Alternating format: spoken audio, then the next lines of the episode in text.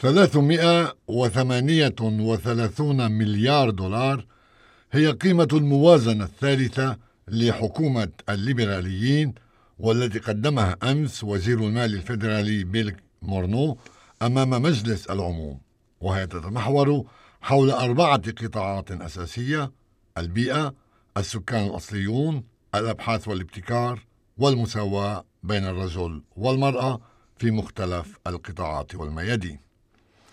وأحصى مراسل هيئة الإذاعة الكندية في العاصمة أوتاوا فيليب فانسان فوزي 139 إجراء بكلفة خمسة مليارات وخمسمائة مليون دولار لمجموعة مبادرات في طليعتها البنى التحتية. كما لاحظ المراقبون تشديدا حكوميا على تحقيق المساواة الكاملة بين الرجل والمرأة على مختلف الصعد الاقتصادية والاجتماعية. يقول L'une des mesures qui est amenée dans ce budget, ce n'est pas une mesure fiscale, mais bien une politique qui, selon le gouvernement, est bonne pour l'économie. On parle d'un projet de loi pour assurer l'équité salariale dans les secteurs sous réglementation fédérale, comme les banques, par exemple. Ça va toucher 1,2 million de salariés. إحدى تلك الإجراءات ليست مالية إنما هي اعتماد سياسة تعتبر الحكومة أنها مفيدة للاقتصاد وهي تقديم مشروع قانون لتحقيق المساواة بين الرجل والمرأة بدءا بالقطاعات التابعة للحكومة الفيدرالية من مثل المصارف ما يطاول مليون ومئتي ألف موظف إضافة إلى اعتماد مرونة في منح عطل الولادة لتمكين الرجال من الاستفادة من خمسة أسابيع عطلة ما سيكلف الخزانة مليار ومئتي مليون دولار على مدى خمس سنوات. إضافة إلى إنشاء وزارة مستقلة لشؤون المرأة مساعدات دولية لدعم أوضاع المرأة بكلفة ملياري دولار عبر العالم وعلى خمس سنوات إضافة إلى مشاريع صغيرة لدعم النساء المهاجرات 31 مليون دولار على مدى ثلاث سنوات لمساعدتهن على إيجاد عمل.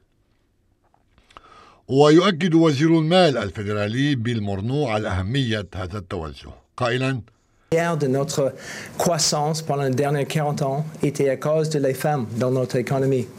Donc cette année, nous voulons considérer comment nous pouvons continuer avec un impact économique dans notre économie par avoir une meilleure situation pour les femmes au niveau de participation dans notre économie, mais aussi euh, pour, nous voulons être sûrs qu'ils ont l'opportunité nécessaire d'avoir une bonne situation pour eux.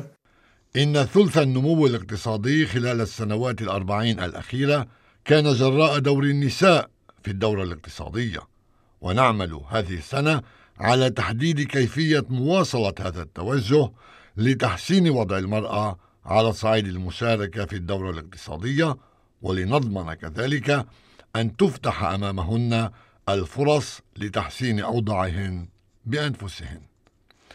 أما في القطاعات الرئيسية الأخرى فستة مليارات وأربعمائة مليون دولار للبحوث والابتكار أربعة مليارات ومئتا مليون دولار لمساعدة السكان الأصليين ومليار ومئتا مليون دولار للبيئة واللافت أنه خلافا للوعد الانتخابي بتحقيق موازنة متوازنة فموازنة هذه السنة والسنوات الخمس المقبلة تلحظ عجزا بقيمة 18 مليار دولار برره وزير المال في إحدى فقرات الموازنة بالقول.